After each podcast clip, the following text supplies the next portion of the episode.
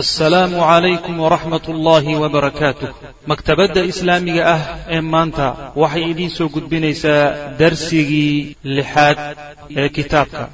Kitaab tawxiid lishaykh moxamed ibn cabdilwahaab alxamdu lilaahi rabbi lcaalamiin sali allahuma wslm cla nabiyina muxamedi wcla aalihi wasaxbihi ajmaciin ama bacd baabu ducaai ilaa shahaadati laa ilaaha ila allah wuxuu baab u yahay yeedhitaan laysugu yeedho oo dadka loogu yeedho ilaa shahaadati qiritaan ay qiraan laa ilaaha ila allah bilxaq lagu caabuday inuusan jirin alla mooyaane arrinkaas qiraan oy ogolaadaan oy rumeeyaan. In dadka loogu yeedho ayuu baabu yahay.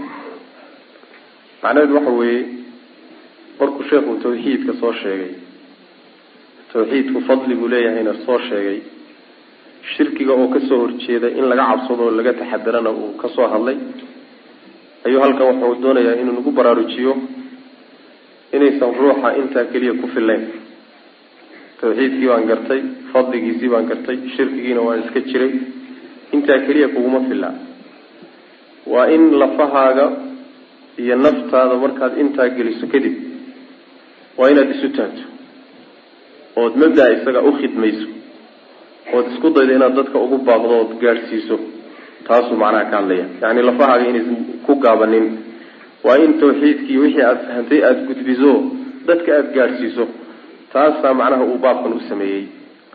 Baabu ducaa wuxuu baab u yahay adducaa u yeedhitaan loo yeedho oo dadka loogu yeedho ilaa shahaadati laa ilaaha ila allah qiritaan iyo ogolaansho la ogolaado mid xaq lagu caabuday inuusan jirin alla mooyaane subxaana watacaala mabda-aas oo la qiro in dadka loogu yeedho. Wa qowli llahi tacaala buu baab u yahay qul waxaad tidhahdaa nebigow haadihi midani sabiilii jidkaygii wey adcuu waan yeedhi ila allahi ilaahay baan ugu yeedhi dadka calaa basiiratin cilmi dushii calaa basiiratin cilmi dushii xaal aan ahay basiiro dusheed. Ana aniga ayaa u yeedhi dadka ugu yeedhi iyo waman cidda itabacanii i raacay. Aniga inta i raacdayba dadkaanu u dhawaaqiyo xagga ilaahay ugu dhawaaqi annaga oo cilmi ku dul sugan iyo garasho iyo aqoon. Wa subxaana allah ilaahay baana naasahanoo ceeb oo dhan ka hufan iyo waxaan qabanin. Wamaa ana aniguna ma ihi min almushrikiina kuwa ilaahay wax la wadaajiya ka mid ma ihi. Saasaa nabiga dheh la yidhi salawatullahi wasalaamu caleyh macnaha aayaddu dhowr mabda' bay sheegto. Ka koobaadi waxa weeye dariiqada nabiga sal lla lay slam iyo jidkiisu waxa weeye in dadka xagga ilaahay loogu yeedho subxana wa tacaala. Adcuu ila allah yacni mabda'a dacwada oo dadka in khayrka loo sheego xumaantana looga digo oo laga celiyo.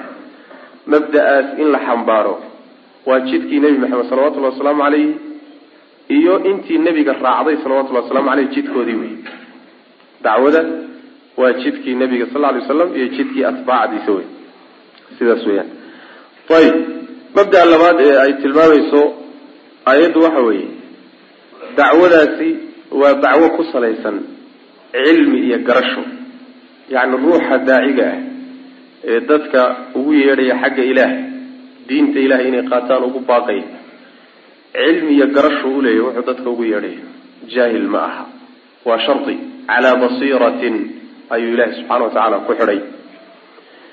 Ayib basiiradaa iyo marka garashadaas ma aha sharciga keliyata inuu garanayo lagama wado. Waa inuu axkaamta sharciga garanayo oo kitaabka iyo sunnada uu garanayo. Khaasatan mas'aladaa marka dad markaa uu dadka ugu yeedhayo waa inuu aqoon u leeyahay. Taasi waa mid. Ta labaad waxa weye dadka uu wax ugu yeedhahaye ee uu hadalka u jeedinayo waa inuu garanayo oo yaqaano iyagana macnaha dadka isku daawo ma isku cudur ma hayo. Isku daawona ma qaataan.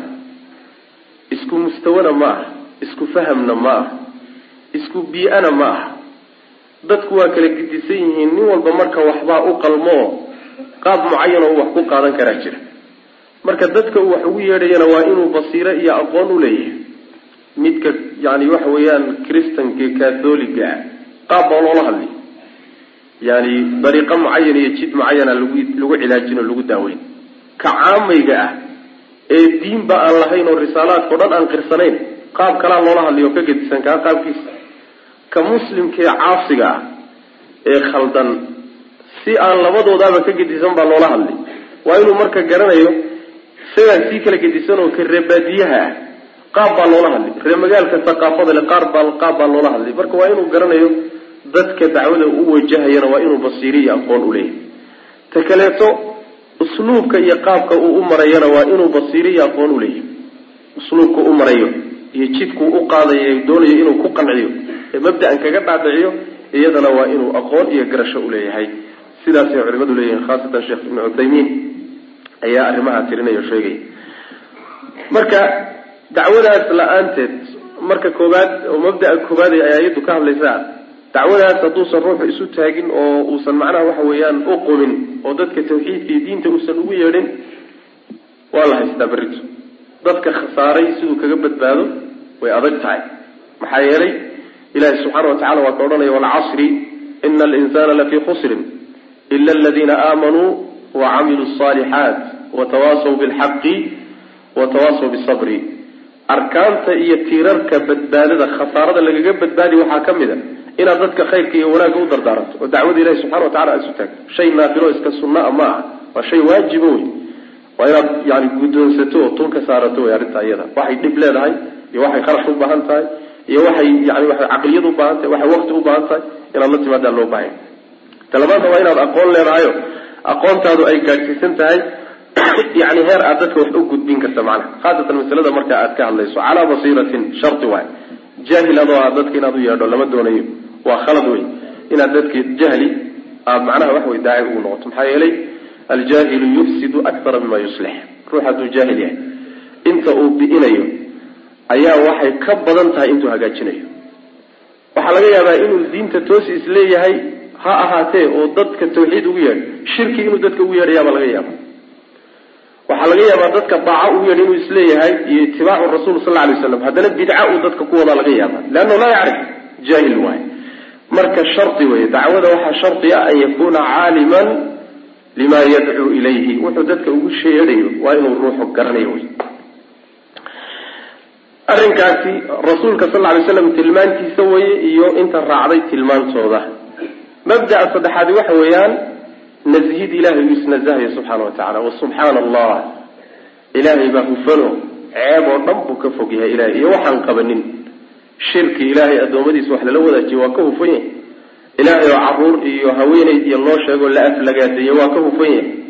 Ilaahay oo subxaana wa tacaala naqsi iyo kala dhimanaan lagu sheegayo waa ka hufan yahay wax alla waxaan qabanin oo dhan ilahay waa ka hufan yahay subxaana wa tacala waa ka fog yahay wamaa ana min almushrikiina gaaladana ka mid ma ihi gaalada ka mid ma ihi macnaheedu waxa weeye yani mabda ahaan kaga mid ma ihi oo mabda nagama dhexeeyo mabdii ku kala tagna qalbiga iyo xubnaha iyo dhaqanka kulli ku kala tagna deegaan ahaanna uga mid ma yihi weeyaano inayba dantu kugu qasabta mooyaane gaalada inaad deegaanka uga tagtood ku faaruqdo oo deegaankooda aad ka tagtahay waa masale waajibo wey wamaa ana min almushrikiin oo sawaadkooda aadan badinin.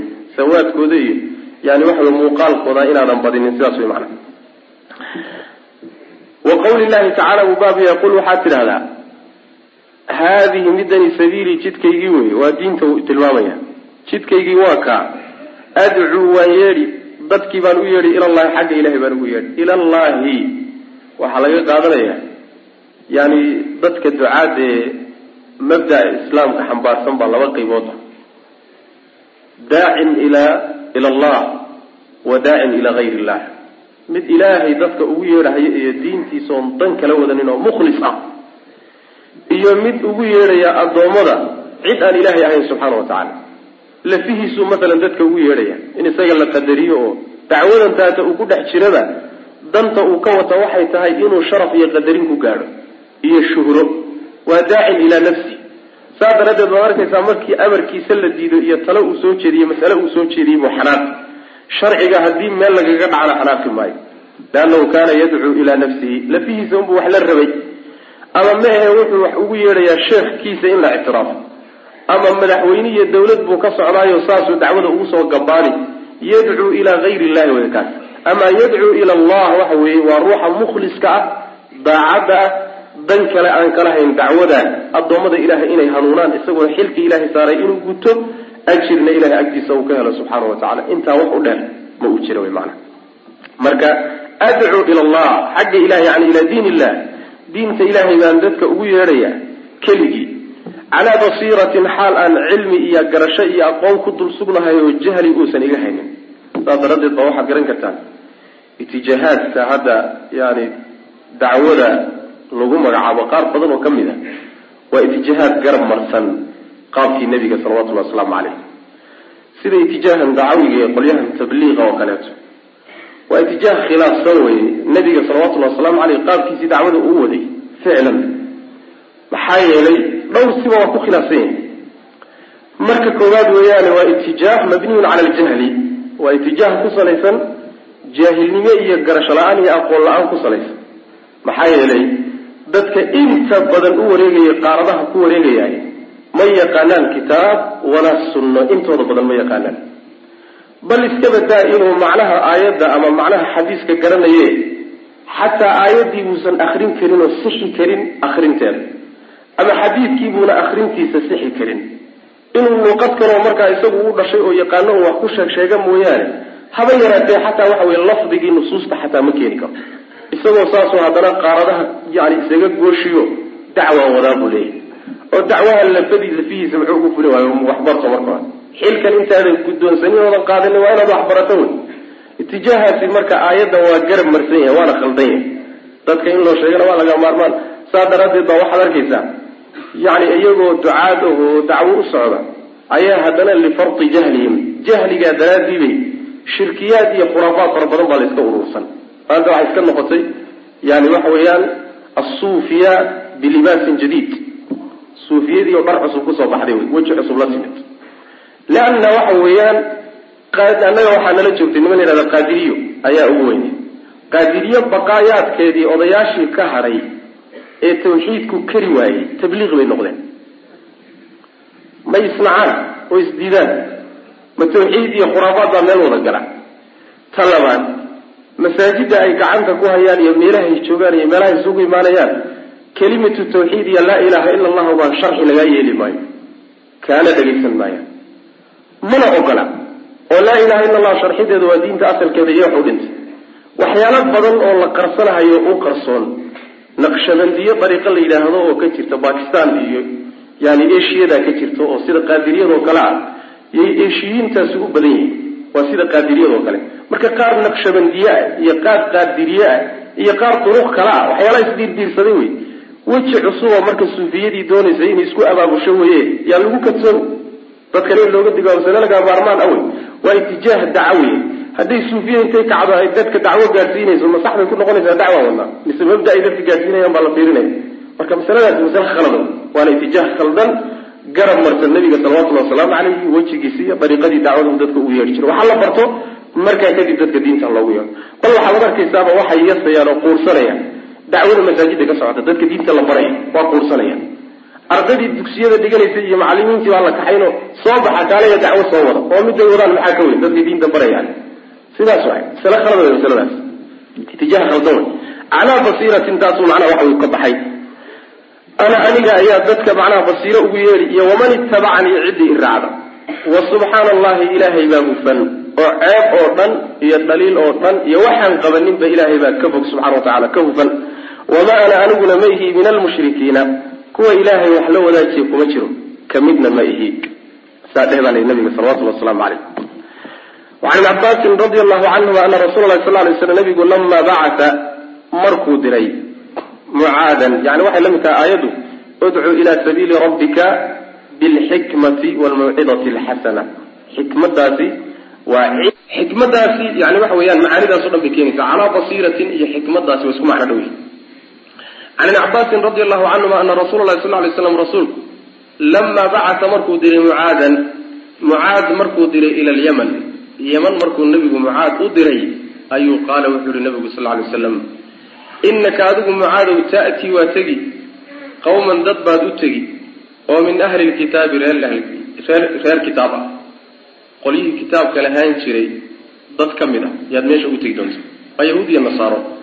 Falyakun ha ahaado marka awala maa shayga ugu horreeya ha noqdo oo tadcuuhum aada ugu yeedhi ilayhi xaggiisa shahaadatu an laa ilaaha ila allah ha noqdo intaas. Shahaadatu an laa ilaha ila allah qiritaan la qiro mid xaq lagu caabuday inuusan jirin ila allahu alla mooye. Arrinkaasi dacwadaada ku bilow oo dadka halkaa ka gal. Shayga ugu horreeya idin dhex mara kaa ha noqdo. Wa fii riwaayatin waxay ahayd ilaa an yuwaxidu allah ilaahay inay keli yeelaan shayga ugu horeeyeed ku bilowda ha noqdo. Fa in hum iyagu ataacuuka hadday ku yeelaan lidaalika arrinkaa hadday kaa yeelaan oo kaa qaataan oo tawxiidkii ah fa aclimhum ogeysii ana allaha alla iftarada calayhim inuu ku waajib yeelay khamsa salawaatin khams salaadood shan salaadood fii kulli yawmin wa layla maalin walba iyo habeen walba yani habeenkii iyo maalintiiba shan salaadood ilahay inuu ku waajibiye u sheegay hadday tawxiidka kaa yeelaan fa in hum iyagu ataacuuka hadday kaa yeelaan lidalika kaa hadday kaa yeelaan salaadiina hadday kaa yeelaan fa aclimhum waxaad ogeysiisaa ana allaha alla iftarada calayhim inuu ku waajib yeelay sadaqatan sako oo tu'khadu laga qaadayo min agniyaa'ihim kuwooda waxhaysta oo fa turaddu lagu celinayo calaa fuqaraa'ihim kuwooda danlayda waxba haysanin. Fa in hum iyagu ataacuuka hadday kaa yeelaan lidalika arrinkaa oo sakadiina ay qaataan oo rumeeyaan oo guddoonsadaan fa iyaaka iska jir. Adigiyo waxaan u kala digayaa wa karaa'ima amwaalihim xoolahooda kuwa ugu wan wanaagsan. Sakada markaad ka qaadayso xoolahooda kuwa ugu wan wanaagsan ee haldoorka la dhaho ha ka qaadin wattaqi iska ilaaliy oo iska jir buu nabigu ku yidhi sal ly slam dacwata almadluumi ninka laga gardaran yahay habaarkiisa iska jir. Maxaa yeele fa inahu amar iyo shanigu wuxuu yahay laysa inaysan ahaanin baynaha kaa habaarkiisa iyo wa bayna allahi ilaahay dhexdiisa xijaabun wax astura uma dhexeeyo. Wax teed ah oo ruuxa laga gardaran yahay habaarkiisa iyo ilaahay u dhexeeyaay ma uu jiree toos bay ilaahay u gaadhi subxana wa tacala waana la aqbali wey macana akhrajahu xadiidka waxaa soo saaray bukhaari iyo muslim baa soo saaray. Mucaad nabigu salawatullahi wasalaamu caleyh wuxuu diray sannadkii tobnaad. Intuusan xajatulwadaac nabigu aadin salawatullahi wasalaamu caleyh ayuu yaman u diray isagoo mucallim ah oo daaci ah oo dadka khayr inuu soo baro loogu talagalay. Yuu yaman u diray nabigu sal lla alay slam kadibna waa kii ka daba diri jiray nabigu sal lay slam abu muusa alashcari mise abu muusa alashcari baa ka horreeyey abu muusa iyo isaga ayuu iska daba diray yaman baa labadoodaba loo diray. Waa kii nabigu jiray sal lay wasalam isyeela oo ha iskhilaafina oo dadka u fududeeya oo ha ku cuslaynina oo u bishaareeya oo dadka ha didinina. Waa kii nabigu sal lay slam dardaarankaa ku diri jiray. Markuu diray nabigu sal lay wasalam mucaad wuxuu u sheegay dadka ka horreeya cidday yihiin dadka ka horreeya wuxuu ku yidhi dadkaad ugu tegi doonto yaman maxay faa'iideyneysaa waxay ahlulkitaab weeye mar hadduu nebigu yidhi salawatullahi wasalaamu caleyh mucaad wuxuu gartay nimankuu ku socdo cidday yihiin mabda ay rumaysan yihiin meesha laga geli lahaa meesha laga weeriri lahaa mabda'a laga baabi'in lahaa waxaasuu ogaaday. Waa midaan hadda sheegayno ninka daaciga waa inuu garto dadka wax u sheegayo iyo meelaha ay ka bukaan. Leanna dhakhtarku dhakhtar wey ninka daaciga. Dhakhtarku waa inuu ogaado o tashkhiisiyo marka hore cudurka. Cudurka markuu ogaado kadib unbuu daaweyn karaa macnaha.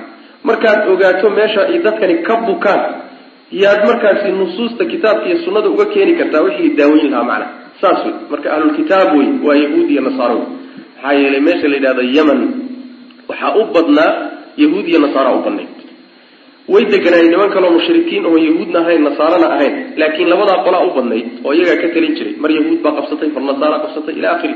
Yahuud way deganaan jireen macnaha degaan bay ku hayn lakiin nasaaradaa u badnayd oo haysan jirtay. Marka qolyahaasaad u tegi doontaa buu nabigu ku yihi salawatullahi wasalaamu caleyh ayib haddaad u tagto maxaad ku bilaabi?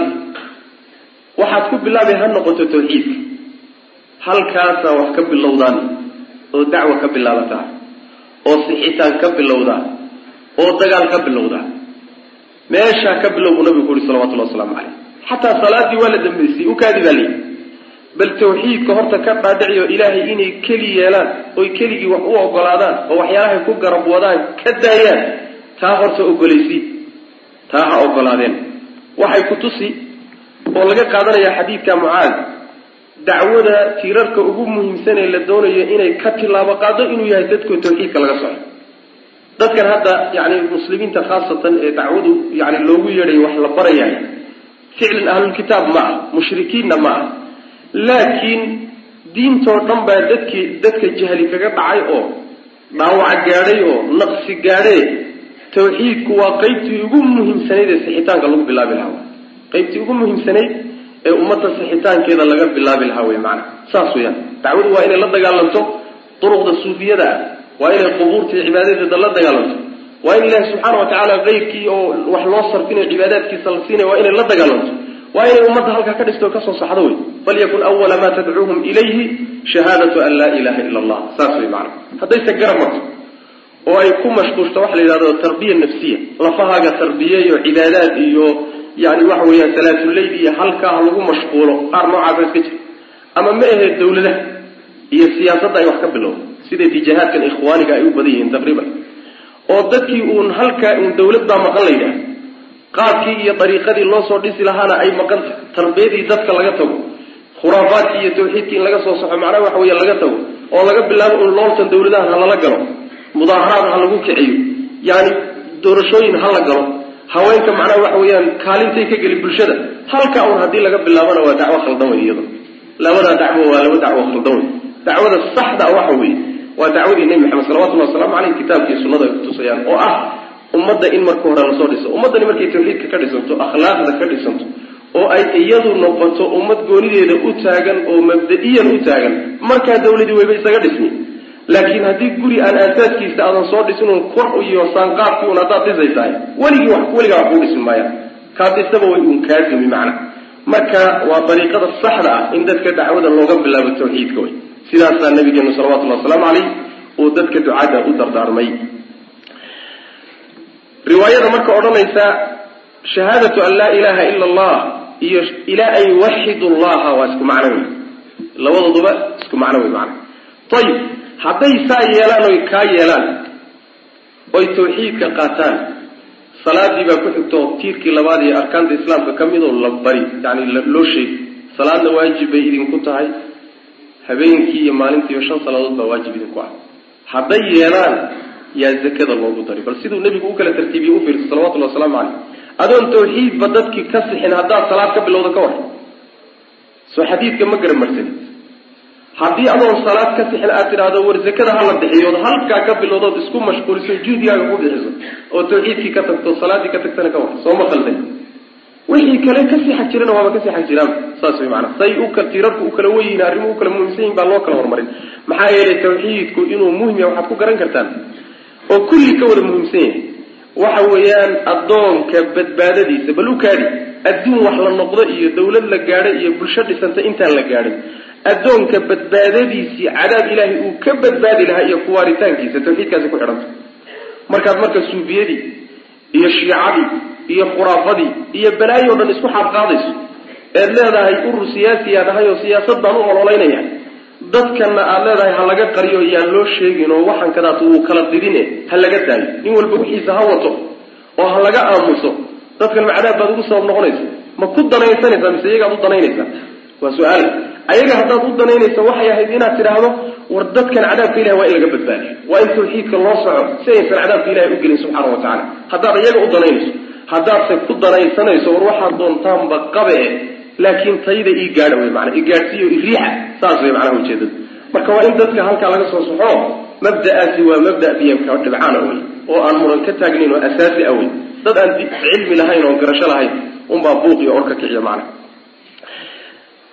Marka nabigu u kala tartiibiyey salawatullahi wasalaamu caleyh hadday zakada qaataan zakadii baa marka la faahfaahiyo waxaa la yidhi waa xoolo laga qaadayo dadkooda wax haysta ma aha inuu nebigu salawatullahi wasalaamu caleyh xoolahooda wax ku faliyo ama ilaahayba uu wax ku fali subxana wa tacaala ee iyaga dhexdoodiiba takaaful ijtimaaciya waxaa la yidhahda isku noolaasho.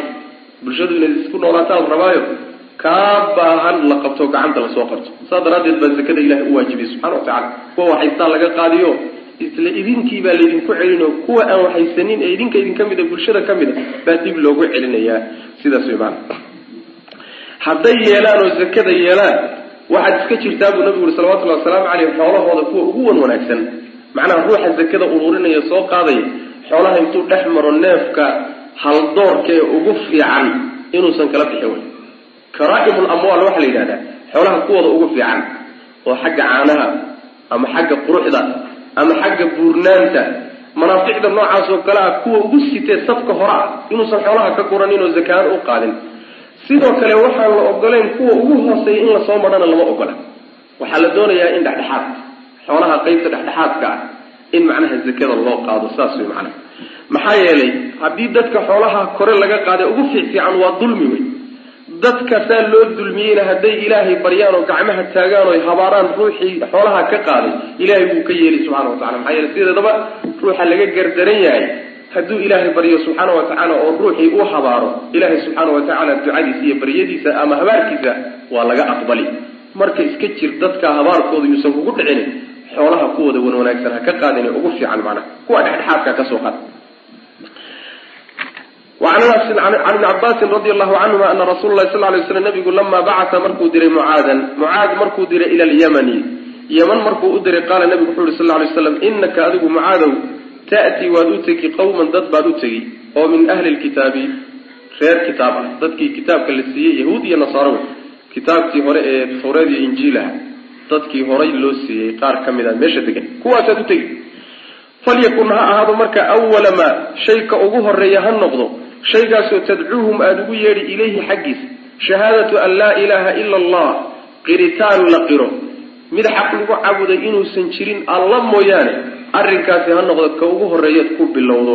Wa fii riwaayatin waxaa yidhi ilaa an yuwaxidu allaha inay ilaahay keli yeelaan inay ilaahay keli yeelaan ha noqdo shayga ugu horreeya eed ku bilowdeed. Macnaha waxa weeye baritaankiisa iyo ka dhaadhicintiisa iyo usheegitaankiisa ku bilowda.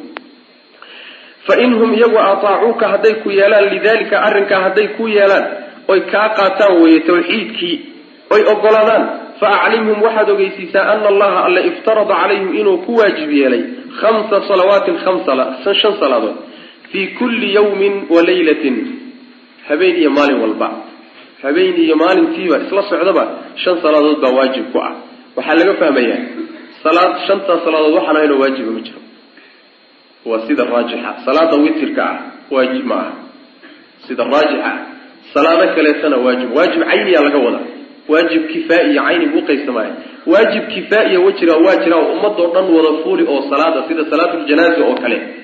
Laakiin salaadaha kale oo dhan shantaa salaadood waxaan ahaynoo waajiba ma jiro.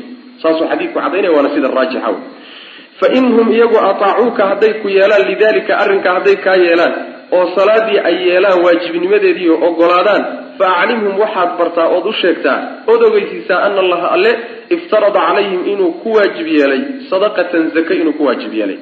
Zakadaasoo tu'khadu la qaadi min aghniyaa'ihim kuwooda wax haystaa laga qaadi fa turaddu markaasaa la celini calaa fuqaraa'ihim kuwaa waxhaysaninee danlayda ah ee fuqarada abaa dib loogu celinaya. Fuqaro keliyata zakada lama siiye maxaa iyaga keliya loo sheegay oo toddobadii qaybood ee kale inama sadaqaatu aayadda ku soo arooray maxaa loo sheegi waaya waxaa iyaga loo sheegay iyagaa ugu muhiimsan uguna xaqnimo leh inta zakada la siiyo. Saas daraaddeed bu ilahay aayadda xataa iyagaa lagu bilaabay.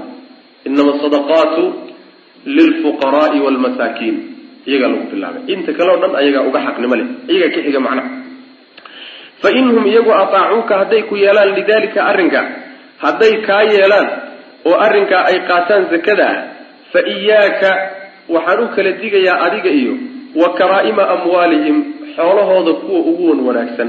Xoolaha kuwa ugu fiicfiican inaad ka qaado iska jir wey. Wattaqi iska jir dacwata almadluumi ruuxa laga gardaran yahay habaarkiisa iyo baryadiisa ilaahay uu baryayo iska jir oo iska ilaali. Yani wixii kuugu sabab noqon lahaa ee uu kugu habaari lahaa iska ilaali wey maanaa haddaad dhacdo ama aada khayaanto ama wax xaqdarra aad ka qaadaay sabab waxay u noqonaysaa inuu ku habaaro. Hadduu ku habaarana ilaahay subxaana wa tacaala iyo habaarkiisa looma dhexeeyo toos ba ilahay u gaadhi subxaana wa tacala waana laga aqbali. Fa inahu amar yo shanigu wuxuu yahay arrintu waxay tahay laysa inaysan ahayn baynaha baryadaa dhexdeeda iyo wa bayna allaahi alle dhexdii xijaabun wax astura uma dhexeeyo wax kala teeda ninkaa iyo baryadiisa ninkaa baryadiisa iyo allah subxaana wa tacaala wax kala teedo udhexeeya ma jireen toos bay ilaahay u gaadhay ilahayna subxaana wa tacala waa ka aqbalaya. Marka iska jira wey dadka dulmigiisa ahrajaahu xadiidka bukhaari iyo muslim baa soo saaray oo wariye macna. Walahumaa waxaa usugnaaday bukhaari iyo muslim.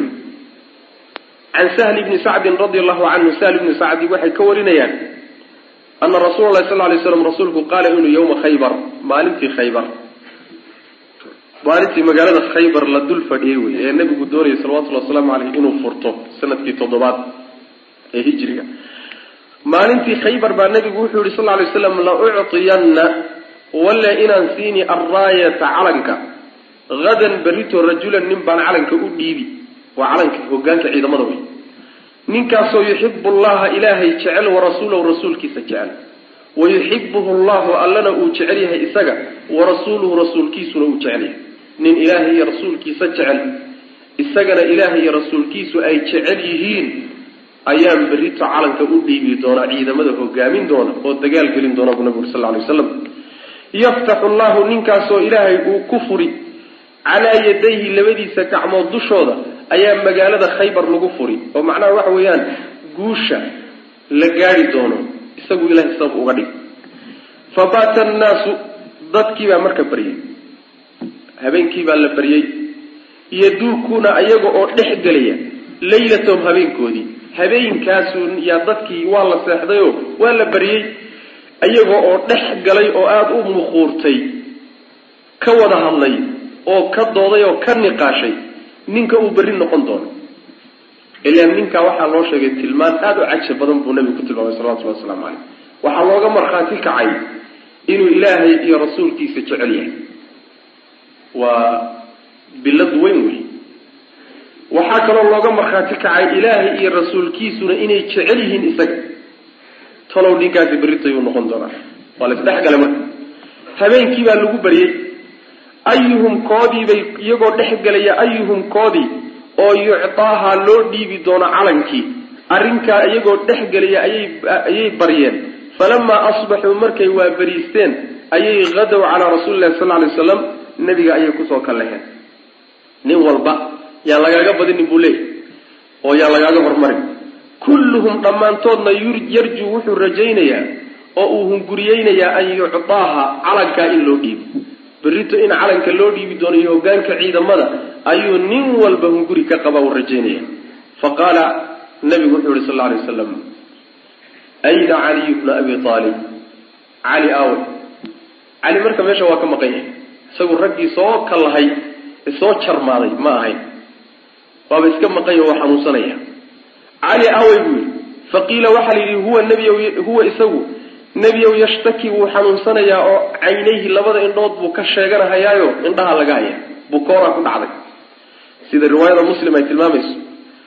Qaala wuxuu ihi qaala wuxuu ihi raawigu fa arsaluu ilayhi way u cidireen qaala nebigu wuxuu ihi fa arsiluu u cidira ilayhi isaga. Yacni dad ha loo diro ha la keeno. Fa utiya bihi waa la keenay. Fa basaqa wuu tufay nebigu sal lla lay slam fii caynayhi labada indhood buu kaga tufay. Yani waxa weeyaan waxbuu ku akriyeyo markaasuu ku tufay nebigu salawatullahi waslamu caleyh wa dacaa lahu nebigu waa u duceeyey. Fa bara'a markaasuu bogsooday. Kaan lam yakun sidii isagoo aysan ahaan jirin oo kale bihi isaga wajacun wax xanuuna isagoo uusan haynin oo kaluuba noqday. Fa actaahu markaasuu nebigu siiyey arraayata calanki yacni markii uu nebigu ku tufayba indhihii guduudnaa iyo dhalxantii iyo xanuunkii iyo wixii weligiiba waxaad moodaa indhihiisa say u iftiimahayaan weligiiba inaan xanuunsan inuu xanuun soo maray ma moodid macna saas. Markaasuu nebigu calankii gacanta ka saaray. Fa qaala wuxuu yihi nebigu sal lay slam unfud soco dhaqaaq wey calaa rislika tartiibtaada u dhaqaaq adoon waxba degdegin tartiibtaada u soco bui xataa tanzila ilaa aad ka degto bisaaxatihim duleedkooda ilaa aad ku degto. Reer khaybar duleedkooda ilaa aad ka degto tartiibtaada isaga soco ayib uma markaa kadib duleedkooda markaad degto udcuhum ugu yeadh ila lislaami islaamnimada ugu yeadh diinta islaamka u bandhigoo tawxiidka qaata dheh reer khaybarow yahuud bay ahaayeen. Wa akhbirhum waxaad u sheegtaa bimaa yajibu waxa waajibka ku ah calayhim dushooda oo min xaqi illaahi ilaahay xaqa uu leeyahay ah tacaala korahaaye fiihi islaamnimada dhexdeeda. Islaamka markay qaataan gudihiisa xuquuq badan buu ilaahay dushooda ku yeelan doonaaye. Taana u sheeg xuquuqda iyada ah la socodsii fa wallaahi ilaahay baan ku dhaartay lian yahdiya allahu ilaahay inuu hanuuniyo. Bika adiga sababtaada rajulan nin inuu ku hanuuniyo waaxidan oo keligii ah ayaa khayrun fiican oo khayr badan laka adiga ku khayr badan min xumri nacam geela kuwiisa gudguduudan geela gudguduudan oo xoolihii carabta waagaa ugu qiimo badnaa. Waxaa ka qiimo badan hal nin oo ilaahay subxaana wa tacaala adiga sabab kaaga dhigo inuu soo hanuuno. Hanuunkiisa ilahay sabab uu kaaga dhigo. Xadiidkan waa xadiid sahl ibnu sacad oo xadiid caan ah nabigu sal alay waslam maalintii khaybar khaybar waxay dhacday sannadkii toddobaad bay dhacday. Khaybarna waa magaalo madiine agteeda way yahuud baana deganeen oo deegaan u ahay. Sanadkii toddobaad buu nabigu qabsaday salawatullahi wasalaamu caleyh markii marka magaalada uu dul tegay nabigu sal alay wasalam ayaa caado waxa u ahaan jirtay in uu ciidanka ciidanka calam buu leeyahy yani liwaa calan guud oo abaanduulaha ciidamadu uu wado wuu jiraa haddana ciidamadu qaababkay u qeybsan yihiin iyo unugyadooda iyo macnaha waxa weyaan haddana ciidan walba calan gooniyuu leeyahy marka calanka guud saas nabiga sal ly slam caadadiisii ahaan jirtay oo calanku waa ramzi waay yani waa astaan iyo calaamo wuxuu u yahay yani waxa weyaan ciidankaa iyo isku duubnaanta iyo arrintaasu u yahay macna. Marka sunadii nabiga sal lay slam wey yay ka mid tahay macna. Marka nebigu sal lay waslam markuu damcay inuu ciidankii uu hogaankiisii cid u dhiibo ayaa waxa uu nebigu sal lay slam yidhi hadal ragga oo dhan ay u wada hanqaltaageen nin walba jeclaaday. Hadalkaasoo ah berrito calanka waxaa loo dhiibi doonaa nin ilaahay iyo rasuulkiisa jecel isagana ilaahay iyo rasuulkiisu jecel yihiin. Saasuu nabigu yuri salawatullah waslamu aleyh yani waa shahaado wey waa markhaati waa fadli aada u weyn wey maxaa yeele ruuxaasi munaafiq maaha. Markhaatina waxay u tahay inuu ahlu janno yahay maxaa yeele ilaahay hadduu jecel yahay rasuulkiisuna jecel yahay waa mu'min oo iimaankiisu weliba uu dhab yaho daacad yaho saadiquliimaan ah oon shaki ku jirin. Arrintaasaa marka ragga saxaabada kulligood nin walba kiciyeyo ugu hanqaltaagay. Ninkaas nebigu wuxuu ku sheegay salawatullahi wasalaamu caleyh isaga gacmihiisa in magaalada lagu furan doono sabab ilaahay uga dhigi doono. Dadkii marka habeenkii baa la baryay iyadoo arrintii laga wada hadlayo yaduukuuna bimacnaa yaquuduuna way yacni iyagoo dhumbanhayo oo dhex gelayo oo ka wada hadlaya yaa la baryey habeenkii isaga ahaa. Waxaa laga doodayaa ninkan la siin doono calankaas. Talow yaa loo dhiibi doonaa nin walba wuxuu isku wadaa inuu isaga noqdo. Saasuu rajo badan ka qabaayo hunguriyeynaya si uu shahaadadaa iyo markhaati kaca nabiga salawatullahi wasalaamu caleyh u helo. Markaasaa la soo wada kallahayoo nin walba yaa laga hormari bu nabigaa lagaga hormari salawatullahi wasalaamu caleyh waa maalinta uu leeyahay cumar radia allahu canhu maa axbabtu limaarata ilaa yawmaidin. Yacni madaxtooyo iyo maamul inaan qabto ma aanan jeclaanin maalinkaa ka hor buuri maalinkaa lafteeda madaxnimada ma jeclo oo madaxnimo iyo dadka u tali. Hungurigaa uma jeclaanahaye laakiin wuxuu u jeclaanayaa amaad shahaadadaa nebiga iyo markhaati kacaa ninkeedii noqotaa intaasuu u jeclaana laakiin saxaabada nebigu sal ly waslam tartankan ay gelayaan iyo doodaa la doodahayo iyo kalahaada la soo kalahay jarmaadidaa iyo ma aha inay jecel yihiin in abaanduule ciidan laga dhigo oo wasiirka gaashaandhigga laga dhigo oo jago loo dhiibo jagooyin meesha laguma tartamayo dadkani waa dad aan jagooyin rabin wey laakiin masaladay u tartamahayaane tan loogu orotamayo waxa way waa taa cumar uu sheegayo nin walba wuxuu doonayay inuu noqdo ninkuu nebigu u markhaati kacay salawatullahi waslamu caleyh intaasaa loogu xilan. Wailaa hadduu nebigu ku gaabsan lahaa berrito nin baan u dhiibi doonaa hogaanka ciidamada looma tartamin. Maxaa yeele waa mas'uuliyad waana takliif ee tashriif ma aha sideedaba mas'uuliyaddu waa xil lagu saaray iyo culays lagu saaree sharaf kuusoo hoyday ma aha soomaalida mafaahiimta ka khaldan bay ka mid tahay. Iyo dadka ehlimaadiga oo dhan mas'uuliyaddu sideedaba waa xil waay waana culays iyo takaaliif waay ee tashriif iyo shay qiimayn ah ma aha. Saas daraaddeed mafhuumkaasaa salafka agtooda yaalloy kaga carari jireen nin alla ninkii lagu soo sheegaba waa ka carari jire inayba macnaha ku laasimtay ku waajibta mooyaane. Ayib markuu waagu barya cali oo marka meesha aan joogin buu nabigu uri sal alay wasalam aawe cali bni abi aalib markaasaa layi nebiga wuu bokooraysan yahayo indhahaa laga hayaa indhuhu ka xanuunsanaya. Ha loo yeedha buu nabigu uri sal lay wasalam cali oo la wadaa la keenay. Markaasuu nebigu sal lay wasalam indhaha kaga tufay. Markuu ku tufay waana u duceeyey nebigu sal lay wasalam markuu ku tufayba cali indhihiisa waxaad moodaa weligood inayna bukoonin. Cudur inuusan soo marin. Waxay ka mid tahay mucjizaadka nabigeena salawatullahi wasalaamu caleyh muusan daawooyin siinin. Daawooyin iyo yani waxa weeyaan irbadku muusan dhufanin. Kiniinana muusan siinin. Sharoobana muusan siinin. Candhuuf buu ku tufay nabigu salawatullahi wasalaamu caleyh tiibaa waxay ka dhigtay indhihiisii u sifaysay. Sidii weligood iyagoo wax soo marin oo kaleeto waa mucjizaadka nabiga sal alay waslam ayib markaasuu nabigu sal lay slam calinkii u dhiibay cali. Cali markii calankii la guddoonsiiyeyna waxaa la yidhi dhaqaaq tartiibtaadaan u soco waxba hayswaale hana degdegin baa la yidhi. Tartiibtaada soco saad u sii socoto nimanka duleedkooda deg. Yacni saaxada waxaa la yidhahdaa meesha aan ka fogeyn deegaanka iyo magaalada iyo reeraha aan ka fogeyni inta badan maqasha iyo ay daaqdaaqda ee agagaarkooda ah. Yani meelaha duleedka ah agtooda deg wey maanaa ilaa aad halkaa gaadho tartiib isaga soco. Markaad u tagtana islaamnimada ugu yeedh nimankaas.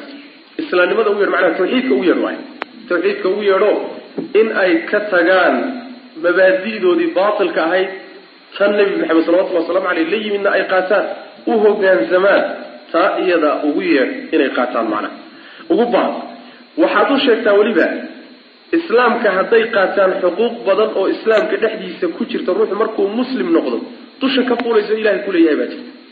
Keliyata waan islaamnay laydinka yeeli maayo. Waan islaamnay waa kelima duuduuban laakiin xuquuq badan bay leedahay oo xuquuqdeeda waxaa ka mid a salaadii waxaa ka mid a zakadii waxaa ka mid a xajkii waxaa ka mid a soonkii waxaa ka mid a inaad maxaarimtii waxyaalaha xaaraamtaa ka tagto dembiyada waaweyn inaad ka tagto waa min xuquuqi laa ilaha ila allah. Waa kii nabigu dhihi jiray salawatullahi wasalaamu caleyh umirtu an uqaatila annaasa xataa yashhaduu an laa ilaha ila allah wa ani rasuulu haddii ay yeelaan arrinkaa isaga casamuu minii dima'ahum wa amwaalahum ilaa bixaqi lislaam ilaa bixaqiha yani xaqu laa ilaha ila allah wey xaqu laa ilaha ila allah waxa weeyaan inaad amarka sharcigana qaadato nahyigiisi wuxuu kaa reebina aada ka hadho. Waa xaq markaad islaamto kadib dusha kaa fuuliyo ilahay uu kugu yeelanay subxana wa tacala marka xaqa dusha ka fuulaya markay islaamaan islaamka dhexdiisa lagu yeelanayo taa iyadaana u sheeg buu nabigu uri sal lla alay waslam ayib marka waxaa ka muuqata jumlada iyadaa tumadcuhum ila lislaam dadku hadday gaalo yihiin intaan dagaalka lagu bilaabin in diinta loo bandhigi saasaa laga qaada tumadcuhum ila lislaam hadday diinta diidaan oo islaamnimada diidaan oo ahlulkitaab yihiin ayaa markaas waxaa la odhanaya jizye bixiya. Macnaha waxa weeye gibir xoolo laydinka qaadi sanawiyan ayaad bixinaysaan. Hadday yeelaan waa laga day dagaalka hadday diidaan soo ma ah markaa kadib baa lala dagaalamay. Ayib in intaan dagaalka lagu bilaabin dacwada la gaadhsiiyo ma shardiba haddayna hadda ka hor dacwadu gaadhin waa in la gaadhsiiyo waa waajib. Saasuuna nebigu sal lay slam hogaamiyayaasha ciidamada wata ee duulahaya saasuu nebigu kula dardaarmi jiray salawatullhi waslamu caleyh haddiise hadda ka hor ay dacwadu gaadhay oo ay maqleen oo markaa kadib ay diideen waa lala dagaalamay haba yaraatee in marka loo taga loo yeedhana shardi ma aha waxaa ku tusaya xadiidkii nabiga sal lay slam ghazwatu bani lmustaliq nimankaa markuu ku duulay waxaa xadiidka ku soo arooray ana nabiya sal lay slam agaara calaa bani mustaliq wahum haaruun ayaga oo aan is ogeyn oo kadsoon oo dagaal ku tala gashanayn oo isdhigtay oon inuu nebigu ku soo duulay ka warhaynin iyuu nebigu weeraray salawatullahi wasalaamu caleyh marka inaan dacwo loo bandhigin oo war waan idiin nimid ee islaamka ma qaadanaysaan inaan la dhihin baa ka muuqata. Marka culimadu waxay leeyihiin haddii ay wax gaadheenna shardi maaha in lagu bilaabo oo dacwada lagu bilaabo. Haddayna wax gaadhinna islaamkao lagu bilaabin waa inaan dagaal lagu bilaabin macana waa marka hore in dacwada loo bandhigo wey ayib markaasuu nebigu wuxuu u sheegay salawatullahi wasalaamu caleyh yacni dacwada oo dadka loogu yeedho iyo dadkao khayrka loogu yeedho oo ilaahay sabab kaaga dhigo inay hanuunaan ajriga ay leedahay. Xoolo adduun. Waxaa ugu qiimo badan ilaahay subxaana wa tacaala hal nin inuu sabab kaaga dhigo hanuunkiisa. Leanna xoolo adduun oo waagaa ay haysteen baa waxaa ugu qiimo badnayd. Geela cascas geela gudguduudan xumuru nacam geela kuwiisa gudguduudan baa carab xoolaheeda ugu qiimo badnaa.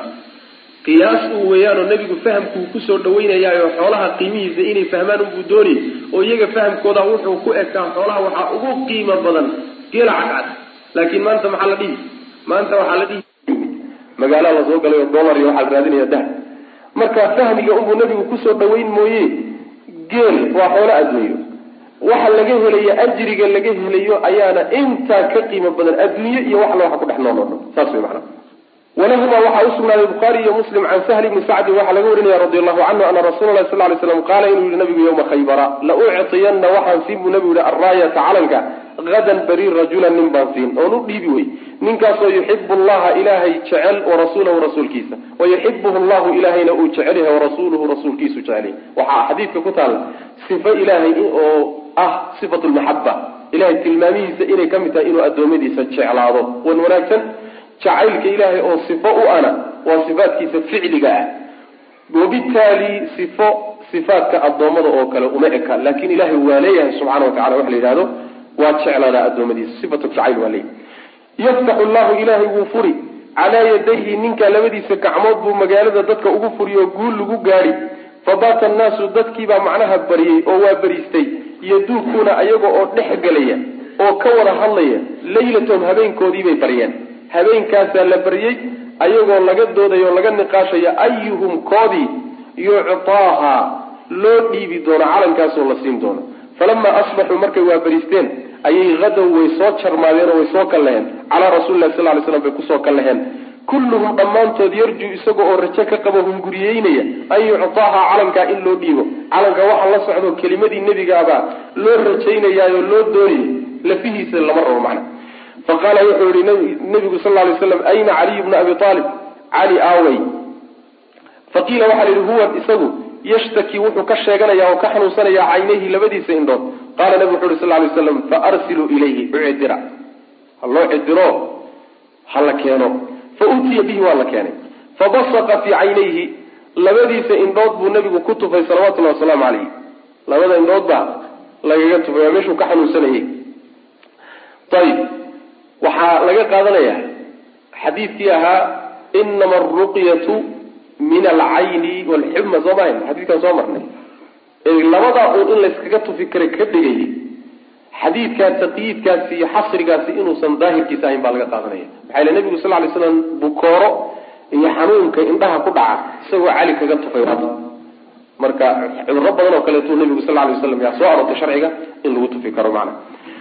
Ayib wadacaa lahu nabigu waa u duceeyey salawatullhi wasalaamu caleyh fabara'a waa bogsooday kaan lam yakun wuxuu u bogsooday kaan lam yakun sidii isagoo aysan ahaanin bihi isagaba wajacun wax xanuuna isagoo uusan haynin oo kale fa acdaahuna markaasuu nabigu u dhiibay arraayata calankii yacni wax raad ah oo ishii ku haray ma jiro ilan ishii waxunbay sii yara guduudnaataa oo waxba sii yara dhacdhacaantahay xataa wax yar oo ka sii muuqda xataa ma jiro weligeed inaysan xanuunsanin baad moodaa faacdaahu nabigu wuxuu udhiibay arraayata calankii faqaala wuxu uhi nabigu sal lay slam unfud macnaha waxa wy imdi we soco horay u soco calaa rislika tartiibtaadana u soco yacni waxba ha degdegino tartiibtaada isaga soco wey xataa tanzila ilaa aad degto bisaaxatihim nimankaa lagu diray duleedkooda ilaa aad ku degto uma markaa kadibna udcuhum ugu yeedh ila lislaami islaamnimada ugu yeedh wa ahbirhum u waran bima yajibu waxa waajibka ku ah calayhim dushooda waxa ku waajibaya dushooda oo min xaqi illahi ilahay xaqiisa a tacaala korahay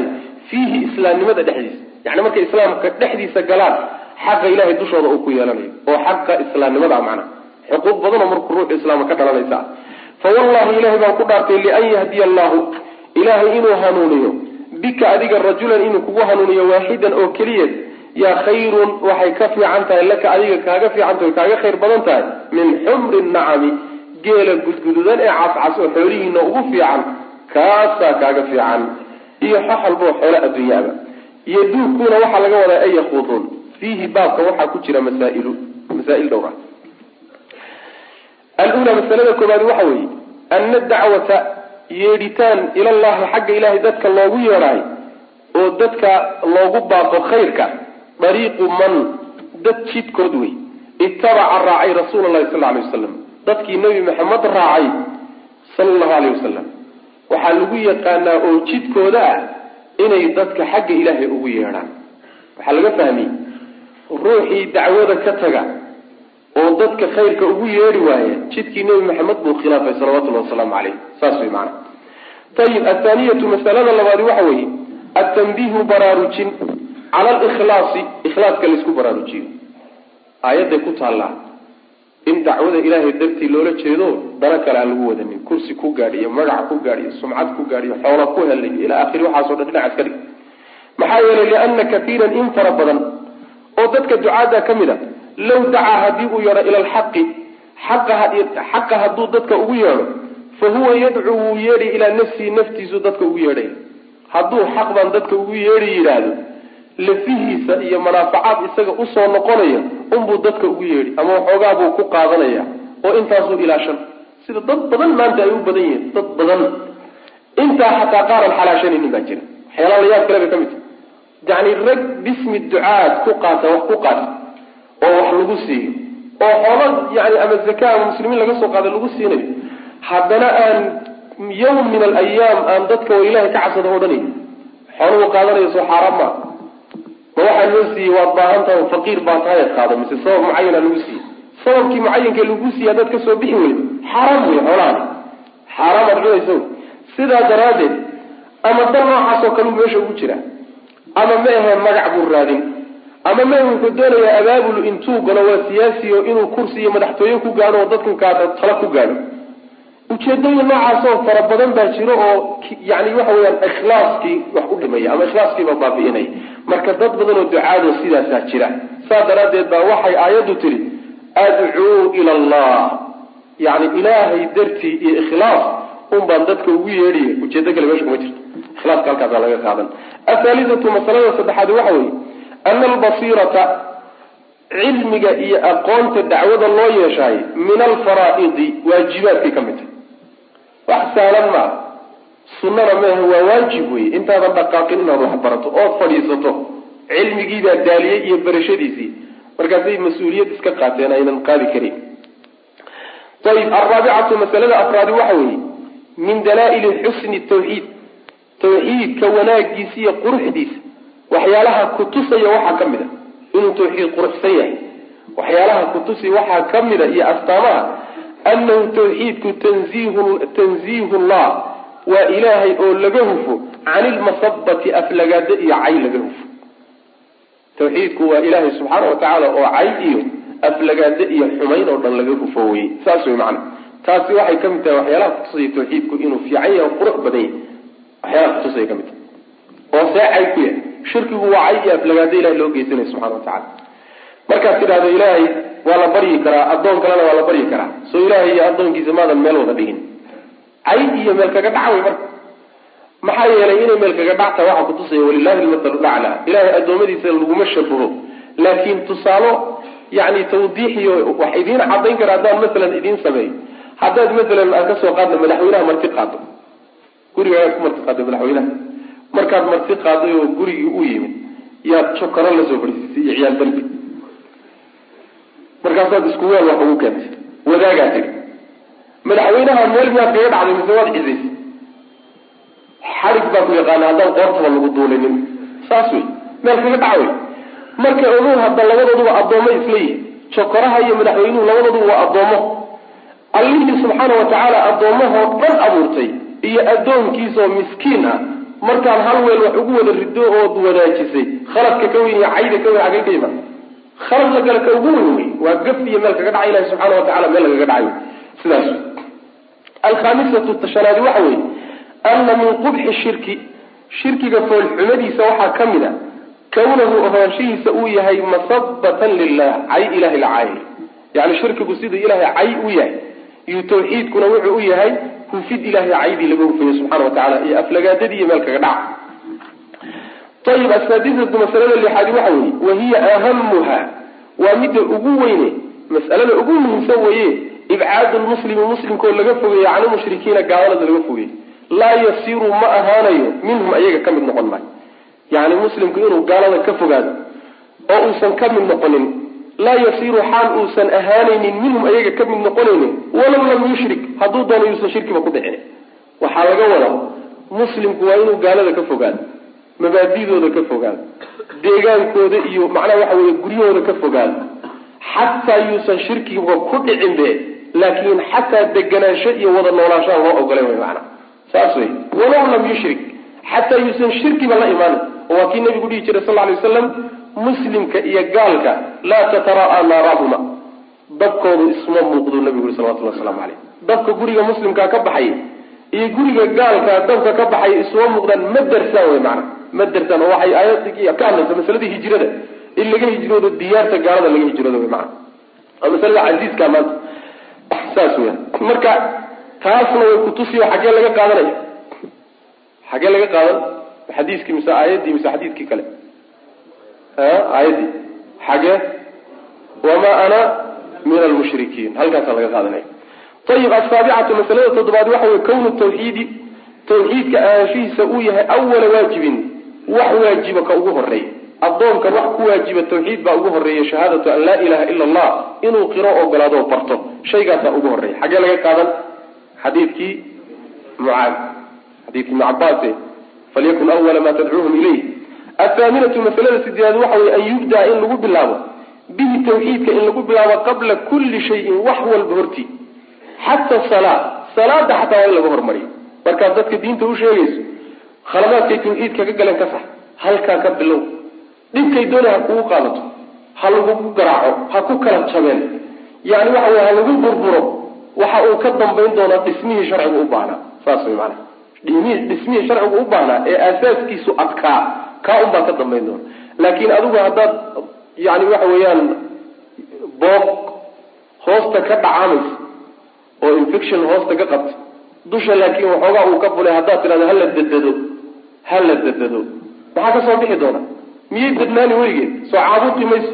Intay caabuqda un bay berritana macnaha waxa wey loo goyni lugta iyo meesha ku taala loo goyni. Marka waxaan aadadayso dadbi maaye sidii nebigu u abbaaray salawatullhi wasalaamu caleyh u abbaaro dadku ha kala baxaanoo wax muwaxidiin ah iyo wax shirkiga ku hara ha noqdeen. Jahli cid loogu cudurdaaro dambanayayna jirin. Xilkaa way xilka ku saaran adig laakiin isku qaad war soconaya ma isku qaad socon weydayo adiga arkayo hadda muxaawalaadka ay gelayaan dadka maala waxa wey xarakaadka islaamiga maala kaba soo qaad. Muxaawalaad fara badan ay maanta gelayaan waa ku fashilmayaan qolaa meeshan muxaawalo ka geliyo waxay gelayaan doorashooyin siyaasi waxay gelayaan ay dawlad ku doonayaan. Ma ku guuleysanayaan way fashilmayaan. Qaar baa dagaal gelayo dagaalkiisay u wadaan u wadaan. Kuwii xataa inay iska qaadaan gaalada iyo isticmaalka ku guulaystaay dhexdooda isburburin aawa afghanistan maxay ugu dambaysa limaada raggii hogaamiyeyaasha shalaysa ee ruushka la dagaalamayay maanta maxaa dib isugu celiyay iyagii oo shacabka reer afghanistan intii ruush u geystay in ka badan ay ugu geysteen ma dhisna markoodii hore ay wax bilaabayeen ikhlaas baan jirin hunguri baa meesha yaalla iyo kursi baa loo tartamaya dad noocaas oo kale haddaad hala dalo ummadda waxaasoo midhan bay noqone ummad saafi a soo saar marka hore markaa kadib rabbi subxaana wa tacaala asagaa qorshaha garan oo qaabka wax u wadi garane maalintii ay taasi isdiyaariso sidii nebi maxamed salawatullahi wasalaamu caleyhi loo siiyey asbaabtii tamkiinka iyo dowladnimadu otomatikiyan ba isaga imaan. Laakiin dadaalku ha noqdo dhismihii ummadda la dhisi laha halkaa in laga soo bilaabo wy maana halkaa ha laga bilaabo dacwadu halkaa ku wajahanto. Ataasicatu masalada sagaalaadi waxa wey ana macnaa an yuwaxidu llaha macnaha laga wado an yuwaxidu llaha lafdigaas xadiid ku yimid. Macnaheedu waxa wey macnaa shahaadati an laa ilaha ila allah waa isku macno wey alcaashiratu masalada tobnaadi waxa wey ana alinsana insaanku qad yakunu inuu noqdaa laga yaaba min ahli lkitaab inuu ahlulkitaab noqdaa laga yaaba walxaal huwa isagu laa yacrifuha laa ilaha ila allah uusan aqoonin aw amase yacrifuha wuu garanayaa walaa yacmalu biha uusan ku camalfalayn ruuxu inuu ahlulkitaab noqdaa laga yaabo yahuudi ama nasraani isagoo laa ilaha ila allahu aan aqoonin ama wuu yaqaanaayo kuma camalfalay maxaa yeele laa ilaha ila allah waxa weeyaan waa mabaadidii tawreed iyo injiil labadaba ku taala wey muuse iyo ciisena lala soo diray iyo rususha o dhan. Marka waxaa laga yaabaa in ahlulkitaab la yidhaahdo iyagoona aqoonin xaggee laga qaadanaya? A aha falyakun awala ma tadcuuhum ilayhi. Shahaadatu an laa ilaha illa allah hadday yaqaanaan maxaaba loogu yeedhi? Hadday yaqaanaan inay ahlulkitaab yihiin waa la sheegay. Inaysan aqoonin xaggee laga qaadan laa ilaha illa allah inaysan aqoonin waxaa laga qaadanayaa maxaadan u sheeg oo bar loo leeyahay hadday garanayaan. Soo taxsiilulxaasil maa awala maa tadcuuhum taasaa laga qaada inaysan aqoonin. Haddana ahlulkitaab way. Laa ilaha ila allahuna ma garanayaan. Ama way garanayaan laakiin waxa weye kuma camalfalayaan saas way maana oo waxaa laga qaadanaya macnaha siduu sheekhu bardoonayo inuu baraarujiyo waxa weye ahlulkitaab way ruuxan marka lagu yidhahdo inuu muwaxid yahay ha ka raadine. Markii lagu yidhahdo ahlulkitaabka ila axkaam bay leeyihiin oo gaalada kale kaga gedisan yihiin oo sharcigu sheegay. Ahlulkitaab markaad doonayso inaad raadiso ha raadin muwaxid ah oo laa ilaha ila allahu macnaheeda intuu garanayo ku dhaqmaya maxaa yeelay ahlulkitaabka intooda badani laa ilaha ila allahu maba garanaya. Hadday garanayaan muslimiin bayba noqon lahay ayib alxaadiyatu cashrata masalada koo iyo tobnaadi waxa weeye atanbihu baraarujin cala tacliimi dadka in wax la baro laysku baraarujiyo bitadriiji si tartiib tartiiba in wax loo baro. Macnaha waxa weeyaan usluubka dadka wax loo barayo na xadiidku wuu sheegay. Oo in tartiib tartiib siday arrimuhu u kala wen yihiin. Yani guri wax ka weyn la geliyo waa dilaacada soomaalida tidhahdaa ibni aadamku wax buu qaadi karaa. Kolba intuu qaadi karo in lagu dayo wey. Kolba intuu qaadi karo la siiyo. Oon hal mar aan takaaliifta dusha laga wada saarin wey maana sidii nabiguba salawatullahi waslamu aleyh markii waxyigu ku degay waxyigu takaaliiftiisu hal mar ma soo wada degina in yar in yar bay u soo degtay. Daaqada ibni aadamka iyo tabartiisa saas maana in yar in yar in dadka wax loo baro tadriijiga xadiidka waa laga qaadan. Maxaa yeele waxa la yidhaha tawxiidka bar. Tawxiidka markay ogolaadaan maxaad ku xijin? Salaada ku xiji soo tartiib maaha saas wey athaaniyata casharata talabiyo tobnaadi waxa weeye albudaa'atu bilaabid bilahami shayga ugu muhiimsan lagu bilaabo falahami ka ku xiga lagu xijiyo xagga ahmiyadda in lagu hormaro oo shayba shaygu ku muhiimsan yahay laga hormariyo. Tawxiidka salaada zakada ila akhirihi athaalithata casharata masalada saddexiyo tobnaadi waxa weeye masrif azaka zakada meesha lagu bixinayo. Zakada meesha lagu bixinayo xadiidku waa sheegay. Oo xagay ahayd faturaddu calaa fuqaraa'ihim halkaasaa zakada lagu bixin. Iyo toddobadii kaleete aayaddu sheegtayba alraabicata cashrata masalada afariyo tobnaadi waxa weeye kashfu lcaalimi ninka caalimkaa inuu faydo ashubhata waxa daliil ahaan ruuxa isu tusiyey can ilmutacalimi ruuxa wax baranaya inuu ka faydo yani ruuxa haddaad aada wax baranayeen wax u sheegayso haddaad isleedahay war amay halkaasi waxoogaa shubha ka soo gal shubhada waxaa la yidhahdaa wixii daliil isu kaa tusiyey daliilna aan ahayn adiga laakiin daliil isaga kaa dhiga ayaa shubha la yidhahdaa marka waxa noocaas oo kale haddaad istiraado ruuxan waa ku dhalan karaa waa inaad ka faydad u caddayso xaggee laga qaada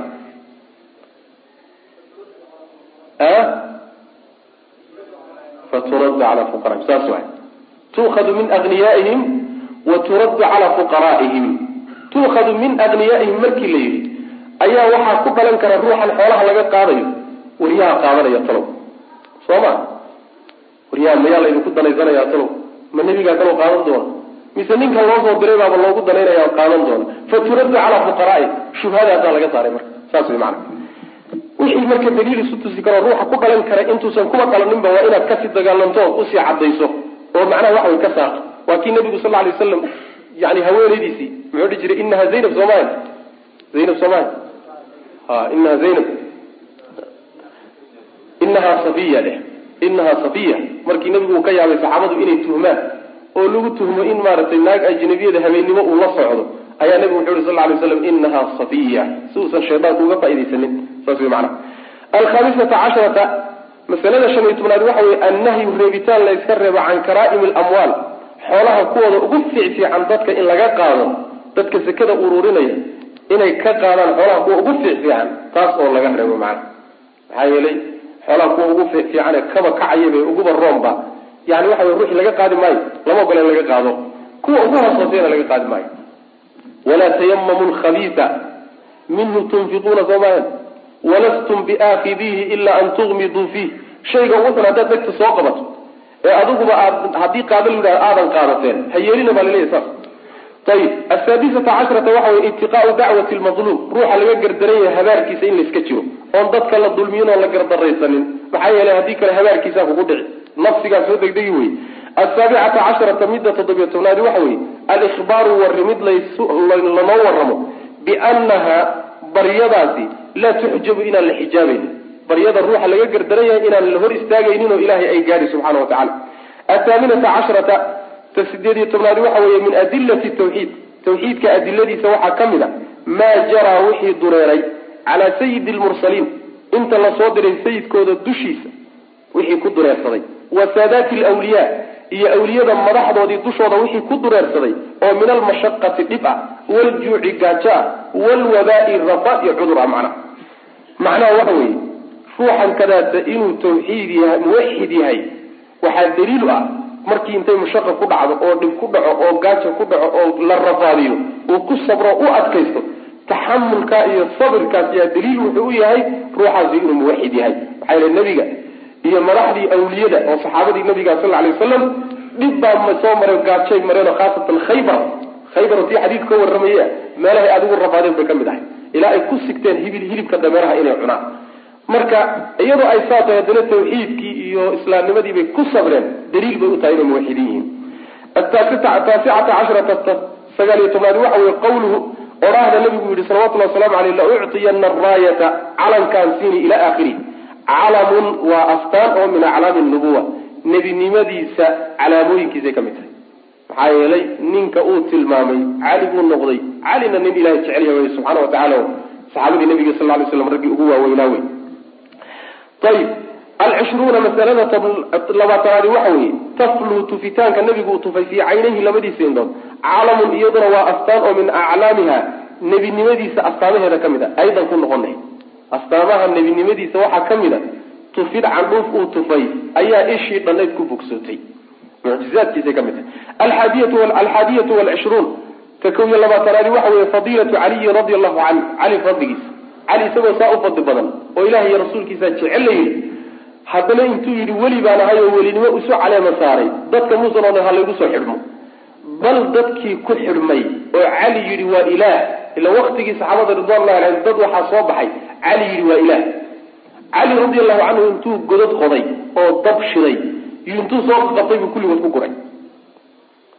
Warmaanihi ilahi baad meel la wada dhigteen inkaana ku dhacday. Kulligood halkaasuu ku laayay inkastoo cali radi allahu canhu saxaabadu ay ku diideen gubitaankuu gubay haddana saas in loo ciqaabo waa mutaysteen. Maxaa yeele mushrikiin bay noqdeenoo gaalnimay ku dhaceen. Saas weya yaa xadbadaa maanta hadday dadka culimada ah ee la daba joogo ee la baryayo hadday sidaa cali oo kale yeeli lahaayeen oo dadka dhiilaha war ilahay ku xidmoodna dhaafa. Waxba idinma tari karneen yaaba cidaan ilahay baryi lahaa. Soo waxa dadka soo jiidanaya iyaga maaha oo wax mumuujisanayo oo dadka wax u sheeg sheegaya khatar wey cali cumar radiallahu canhu isaguna sidaasoo kale uu sameeyeyo dad noocaasoo kale huluwi ku kacay ayuu isaguna saasoo kale ula dagaalamay. Athaaniyatu walcishruuna labiyo labaatanaad waxa weeye fadlu saxaabati saxaabada fadligooda fii dawkihim. Dhumbashadooda ay dhumbadeen. Tilka leylati habeenka ay dhumbadeen. Dooday doodeen wa shuqlihim iyo mashquuliday ka mashquuleen can bishaarati lfatxi guushii laysugu bishaareeyey. Ila nebigu magaaladaad qabsan doontaan bu yihi soo ma magaaladaad qabsan doontaan maxaa looga doodi waayey?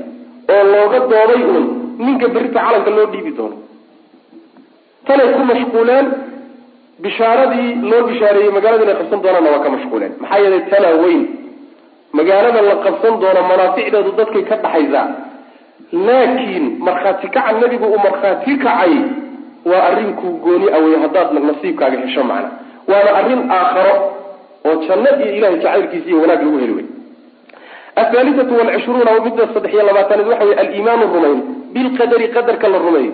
Lixusuuliha maxaa yeelay helitaankeeda la helay liman lixusuuliha xasilidda ay u xasishay bishaaradii ama calankii liman cid bay u xasishay lam yasca aanu ordin iyo wa mancihaa diidada loo diiday caman cid loo diiday sacaa u orday. Nin u orday oo soo kallahay oo soo jarmaaday oo dhaxani dishayna wuu ka qabay. Nin gurigiisa iska jiifay oo warba ka hayninna wuu helay. Masaladaa maxay kutusi horaa waxa loo qaydiyey wey qadarka ilaahay horu u dhacayoo wax qorshaysan unbaa inugu dul socda. Waxba marka haddaad si kasta u orodana qadar qadarka ilahay bedeli maysa haddaad gaabisana qadar ilahay bedeli maysa wixii sidii loo dhigay buu u dhan yahay saasuna u fuli alraabicatu walcishruun waxa weye aladabu aadaab baa laga qaadanaya fii qawlihi buu kusugaya nabiga hadalkiisa sal lay slam calaa rislika tartiibtaada. Yani ha degdegin degdegu ma fiicna. Tartiibtaada isaga soco nabigu salawatullah waslamu caleyh. Alkhamisatu walcishruun ta iyo labaatanaad waxa weye addacwatu yeeritaan ila lislaami dadka islaamnimada in loogu yeedho qabla alqitaal intaan lala dagaalamin waa goorma waa haddayna dacwadu horey u gaarin baa nidhi. Laakiin hadday dacwada hore u gaadhay sidii xadiidkii bani mustaliq uu kutusayey waa lala dagaalami karaa macnaa iyagoo loogu yeedhay asaadisatu walcishruun ta lix iyo labaatanaad waxa weeye anahu mashruucun. Waxaa mashruuca oo u banaan liman cidii liman ducuu qabla dalika anahu dagaalkii gaalada lala dagaalamayo mashruucu waa banaan yahay liman cid buu ku banaan yahay dagaalkaasi ducuu loo yeedhay qabla dalika dagaalka ka hor oo waquutiluu lala dagaalamay. Macnaheedu waxa weye ciddii loo yeedhay dagaalkaa ka hor oo waquutiluu waa lala dagaalamay. Ciddii dagaalkaa ka hor dacwadu gaadhay oo loo yeedhay oo islaamka loo bandhigay markaasi waa lala dagaalamayo shardi maaha way banaantahay in lala dagaalamo waajibna ah maaha markaa dambe in dacwada loo la gaadhsiiyo macna. Asaabicatu walcishruun ta labaatan iyo toddobaadi waxa wey addacwatu yeedhitaan dadka loogu yeedho bilxikmati xikmad in dadka loogu yeedho. In xikmad la adeegsado xikmadan rifqigaa ka mid a yani dadka loo dhimriyo oo si degan oo naxariis ku jirto nugul dadka in wax loogu sheego lagu kakinin. Liqawlihi odhahdu nabigu uri sal ly slam ahbirhum bima yajibu. Waxa waajibka kuwa u sheeg. Yani ahbirhum taasaa laga qaadano. Hadalka kan oo qallafsan ma aha haddii si tartiiba oo nugul wax lagugu sheegaayo waa xikmad saas wey aayaddaasi macnaha waxa wey lafteeda laga garano calaa basiiran sidaas xikmaduna waa soo gelaysaa bay leeyihiin mufasiriinta qaar ka mid. Athaaminatu walcishruun mas'alada labaatan iyo sideedaadi waxa wey almacrifatu garasho bixaqi illahi ilah xaqiisa la garto fi lislaami islaamnimada dhexdeeda islaamka ruuxu markuu soo gala kadib oo gudihiisa uu ku jiro xuquuqda ilahay uu ku leeyahy oo inuu laa ilaha ila allahu iyo islaamkuu soo galay takaaliiftiisi inuu fuliyo ah waajibaad wixii ahaa iyo wixii macnaha manhiyaad ahaye laga reebay arrintaa inuu la yimaado. Ataasicatu walcishruun midda sagaal iyo labaatanaadi waxa weeye hawaabu man cid abaalgudkiisa ihtadaa hanuuna uu hanuunay calaa yadayhi labadiisa gacmood rajulun nin uu ku soo hanuunay waaxidun oo keliya. Hal nin oo keliya ruuxa ilahay sawgiisa uu ku soo hanuunay fadliga iyo ajirka uu leeyahayna iyo abaalgudkiisana waa laga qaadan. Yani sooma haboono marka dadkan oo gaalada ah. Een meel meel fogba jirinba meel fogba jiraan wax mabda weynna ma haystaan. Waxoogaa waxay u baahan yihiin haddaad maalin laba boqol siiso kaale islaam tidhahdo iska islaam. Hor laba boqol oo janno la siisaayo waa sax salaamiya hala soo qaqabto oo dhegta hala soo qabto. Weliba soo qabasho keliya lagu daynini meelo ay wax ku bartaan aan u diyaarin. Kharashkeeda hala bixiyo. Iyo dad wax bara. Marka kadib ba islaamku ma noqonaya haddii kaleeto markay soo islaamaanba waxay u baxayaan wax la yidhaha tasawul. Inay un dawarsadaano nimasini mujaala inay yidhahdaan shalay baan islaamay ama maarata mikawu baan islaamay iyo yani waxa wey islaamkii wax lagu dawarsada ay ka dhigtaan waxaasay noqonayaan maxaa yeele wixii baan la baraynin oo wuxuu iska noqday kelimo uun afka loo gelin waa iska dhaqaaqayaan. Marka waa jaalis weyn waay. Jaalis dad badan ay haysanin weeye weliba soo islaamintu wax sahlan maa athalaathuuna mas'alada soddonaadi waxa weeye inoogu dambaysa alxalifu dhaarasho la dhaarto cala alfutya jawaabta diinta marka mas'ale aad ka jawaabayso inaad ku dhaarato xagge laga qaadanaya fawallahi lain yahdiya allahu bika rajula waaxida khayrun laka min xumri nacam fawallahi daasa laga qaadanaya macnaha jawaab su'aal lagu weydiiyey keliya adoo ka jawaabay ruuxu siduu ruuxu yani waxa u rumaysto oo qalbigiisa ugu dego waad u dhaaran kartaa. Dhaartii la diidayna ma aha laakin haddii dhaar la'aanba uu qaadan karo dhaarta markaa looma baahna iska daawey macnaha. Sidaasuu leeyahay ibnu cuthaymiin oo dhaarta badan inaysan ficnayn dee ayaddaaba kutusi waxfaduu aymaanakum hada wabillahi tawfiiq sal allahuma waslama cala nabiyina muxamedin wala alihi wasaxbi walaalayaal darsigaani halkaas ayuu ku eg yahay. Allah tabaaraka wa tacaala waxaan ka baryaynaa inuu nagu anfaco. Assalaamu calaykum waraxmat ullaahi wabarakaatuh